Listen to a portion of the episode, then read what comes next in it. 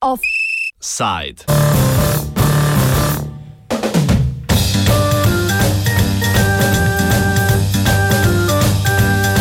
Računati po toči je prepozno.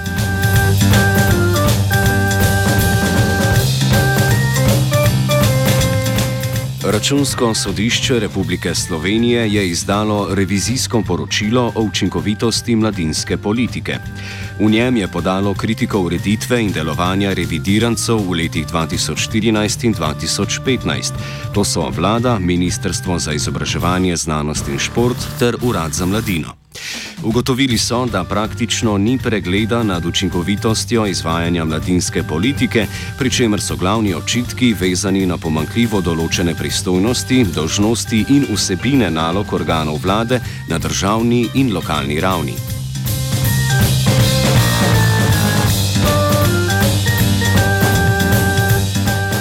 Prav tako so opozorili na popolno odsotnost mehanizmov spremljanja in beleženja točnih podatkov o tem, koliko javnih sredstev je bilo v letih 2014 in 2015 na lokalni ravni namenjenih za izvajanje ukrepov v okviru mladinske politike. Svet vlade za mladino, Ministrstva za izobraževanje, znanost in šport ter Urada za mladino nalog koordinatorja mladinske politike med državno in lokalno ravnjo ne opravlja ustrezno, koordinator mladinske politike na lokalni ravni pa v predpisih ni predviden. Poleg tega revidiranci v obdobju 2014-2015 niso izkoristili večine sredstev, ki so bila za področje mladih na voljo strani organov Evropske unije in zasebnih virov. Glavno vsebinsko priporočilo računskega sodišča revidirancem pa je predvsem več trajnostnih ukrepov.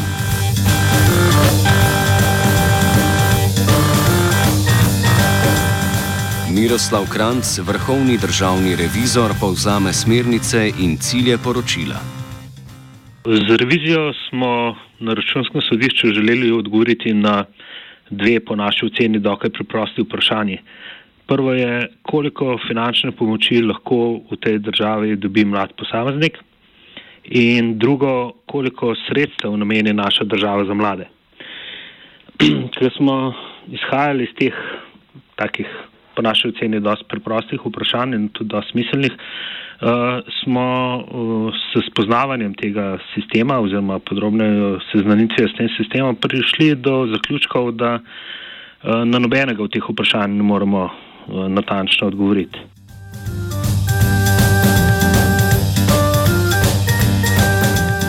Računsko sodišče je ugotovilo, da za 28,6 odstotkov ukrepov, ki jih je na področju mladinske politike sprejela vlada v letu 2014, ni bilo sprejetega finančnega načrta. Prav tako takega načrta ni bilo za 31,5 odstotkov ukrepov v letu 2015. Teja Jarc iz sindikata Mladi Plus nad ugotovitvami računskega sodišča ni presenečena, za organizacije mladinskega sektorja je opisano stanje namreč dejstvo, s katerim so že dolgo soočeni. Mladinski sektor v bistvu že vsa ta leta upozarja, da področje mladine v Sloveniji niti slučajno ni urejeno, da urad za mladino, ki je torej edini organ za področje mladine, um, nekako nima jasnih strategij, načrtov, ne izvaja vsega tega, kar bi mogel, da se predvsem mladinska politika ne izvaja na neki horizontalni ravni. Um, kadarkoli želimo v bistvu razvijati neke politike, pričakujemo, da bodo vsa ostala ministrstva pristopila zraven, ampak vsem ostalim resorjem je praktično popolnoma vseeno za področje mladine. Um, poročajo o ukrepih. In kar lahko v bistvu rečemo, je, da dan danes res ni enotnega pregleda, kje so mladi, kako se razvija mladinsko delo in kako se razvija mladinska politika, in seveda, katera sredstva so temu namenjena, kateri ukrepi, kateri programi. In jaz mislim, da je revizijsko poročilo pokazalo ravno to, da je delovanje pomankljivo, um, da sredstev ni dovolj za nek smotren razvoj uh, in da so zadeve enostavno preveč razpršene, zato ker tudi ministrstva med sabo vrtičkajo in ni neke um, horizontalne usmerjenosti na ravni politike.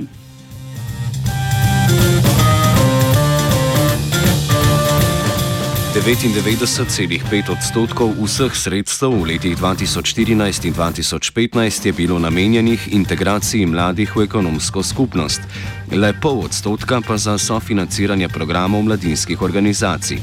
Problematičnost takšne delitve pojasni Jarc.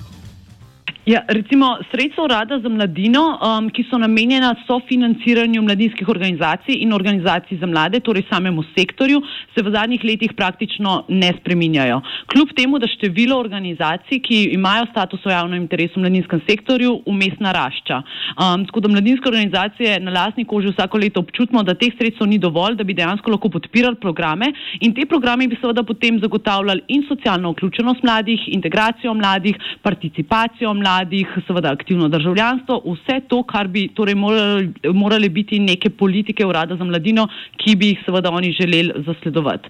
Ko pa govorimo o celotnih sredstvih, ki so nekako namenjena mladim, pa pač moramo vedeti, da tukaj ne gre samo za sredstva urada za mladino, ampak gre v bistvu tudi za sredstva, ki so namenjena um, reševanju drugih izzivov ali pa recimo kohezijska sredstva, evropska sredstva iz Evropskega strukturnega sklada so recimo tukaj ušteta in verjetno so tukaj upoštevali tudi sredstva, ki so bila recimo namenjena ukrepom aktivne politike zaposlovanja oziroma tudi jamstva za mlade.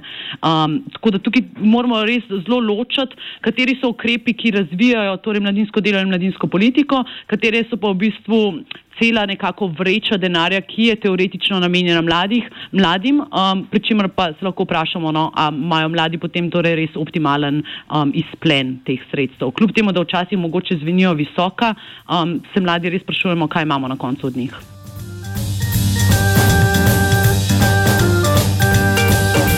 Pristojni državni organi sicer imajo na voljo vladni sistem evidentiranja proračunskih izdatkov, vendar ta sistem ne prikazuje, koliko denarja je bilo skupno porabljenega za mladinsko politiko, niti ali so bili financirani programi učinkoviti. Kranc povzame. Te izzive eh, programskega proračuna, ne, da bi mi vedeli, kam grejo sredstva in zakaj so namenjena, in da bi lahko znali vedeti, kateri programi nam dajo učinke in bi jih spodbujali, kateri programi pa nam ne dajo učinkov in bi nekem, nekdo z rdečim flomastrom rekel, tega pa se več ne gremo. Ne. Uh, tega, tega mehanizma v Sloveniji nimamo, ne, ga nikoli nismo imeli ne, in ne vem, zaenkrat nam zelo slabo kaže, da ga bomo kdaj imeli. Ne, mi, na računskem sodišču se nam zdi, da bi bilo pametno, da bi ga, da bi ga uh, nekoč prišli do njega. Kot smo omenili v vodu, po sedanji ureditvi ni predpisanega koordinatorja mladinske politike na lokalni ravni. Prav tako ni organa, ki bi poenotil evidentiranje sredstev mladinskih projektov in politik posameznih ministrstv. Težava je pa v tem, da ne urad za mladino, ne ministrstvo za izobraževanje uh, nimata dejansko podatkov od drugih ministrstv, koliko namenjajo za mlade. Pa imajo druga ministrstva relativno, uh, nekatera vsaj med njimi, recimo za delo, družino, socialne zadeve, pa, pa tudi konc koncev za notranje zadeve, uh, pa kulturo, tudi imajo, imajo projekte, ki so namenjeni mladim, ne? vendar zaradi pomankanja koordinacije med temi, ne? Uh, med Ministrstvom za obražovanje in Uradom za mladino, ki ne bi bila nekako uh, koordinatorja mladinske politike na državni ravni, um, nimamo uh, podatkov o tem, koliko uh, in za katere namene dajemo sredstva za, za mlade. Dajemo jih.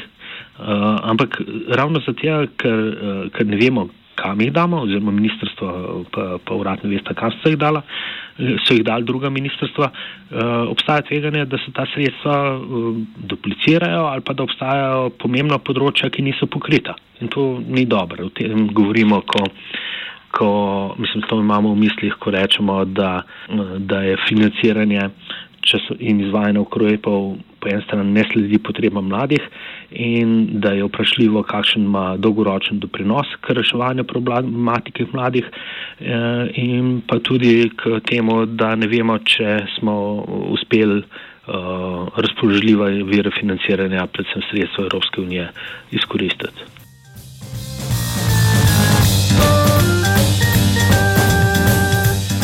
Določena sredstva za mladinsko politiko v letih 2014 in 2015 sploh niso bila porabljena. Tu gre predvsem za evropska kohezijska sredstva in sredstva iz zasebnih virov. Kranc poda razlago. Te iz Evropske unije eh, za eh, novo finančno perspektivo, se pravi 2014 do 2020, ne, eh, v teh dveh letih, v letu 2014 in 2015, še ni bilo počrpano nič. Ne. Res je, da, da je to dosta običajna praksa, ne, da črpamo z, zamikom. Eh, da najprej pač se prijavlja projekte, pa projekte treba izvesti, pa preden dobimo potem denar od Evrope, še malo traja. Ne? Ampak 2014 eh, pa 2015 sta vsem dve leti že v novi finančni perspektivi, ne? za katero smo vedeli tudi prej, da prihaja. Ne? In uh, ta del zamika črpanja je en tašen inherenten problem, ki ni sam problem pri mladinski politiki, je problem tudi uh, nasploh uh, našega evropskega črpanja evropskih sredstev. Kako to občuti mladinski sektor, doda Jarc. V bistvu po koncu finančne perspektive se je še dve leti ali oziroma skoraj tri leta črpal sredstva iz stare finančne perspektive in v vsem tem času se ni črpal sredstva iz zdajšnje finančne perspektive. In to se v bistvu še vedno dogaja. Mi smo v tej finančni perspektivi že od leta 2014 in recimo ukrepi, ki ne bi bili torej financirani iz nove finančne perspektive, se nekateri oziroma kar velik, če govorimo recimo o jamstvu za mlade, se sploh še ne izvajajo, se nekateri sploh še ne pripravljajo, um, zato ker enostavno ministrstva ne črpajo dovolj uspešno uspešno sredstev, ker se zgovarjajo na birokracijo, na vse postopke, ki so potrebne. Um, in zaradi tega jaz tudi mislim, da je nek nadzor oziroma pregled nad vsemi sredstvi in seveda potem posledično tudi učinki um, zelo pomankljiv na tem področju. Si mislim reči, da to verjetno ni samo na področju mladine, ampak gre po mojem mnenju za dosti slabo načrtovanje in um, uporabo sredstev tudi v drugih ravneh države in družbe.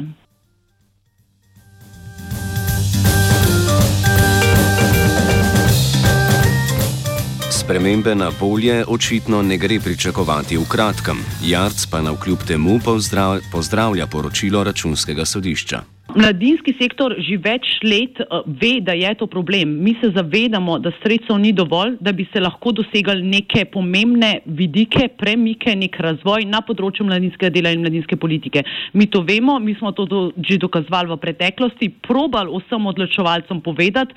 Um, konkretno, predsed, mislim, predsednika vlade Mira Cerera smo večkrat v bistvu seznanili s tem, smo mu v javnosti to povedali, pa so nas do zdaj vedno preslišali. Kar mi upamo je, da bo to revizijsko poročilo v bistvu dodalo neko težo našim argumentom in v bistvu jasno pokazalo vladi, da tako naprej ne gre več. Ne? Um, tako da to bi bil lahko nek dodaten pritisk, nek argument um, za naša prizadevanja in upamo, da bo prinesel neke spremembe. Mislim pa, da gre tukaj na koncu še vsem za bolj politične odločitve um, in seveda to, koliko so mladi visoko rangirani pač na politični agendi.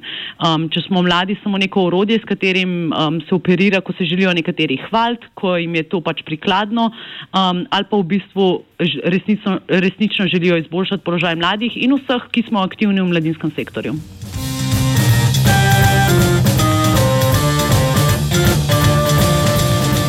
Offside sta izračunala vajenec Vitežnik in Lana.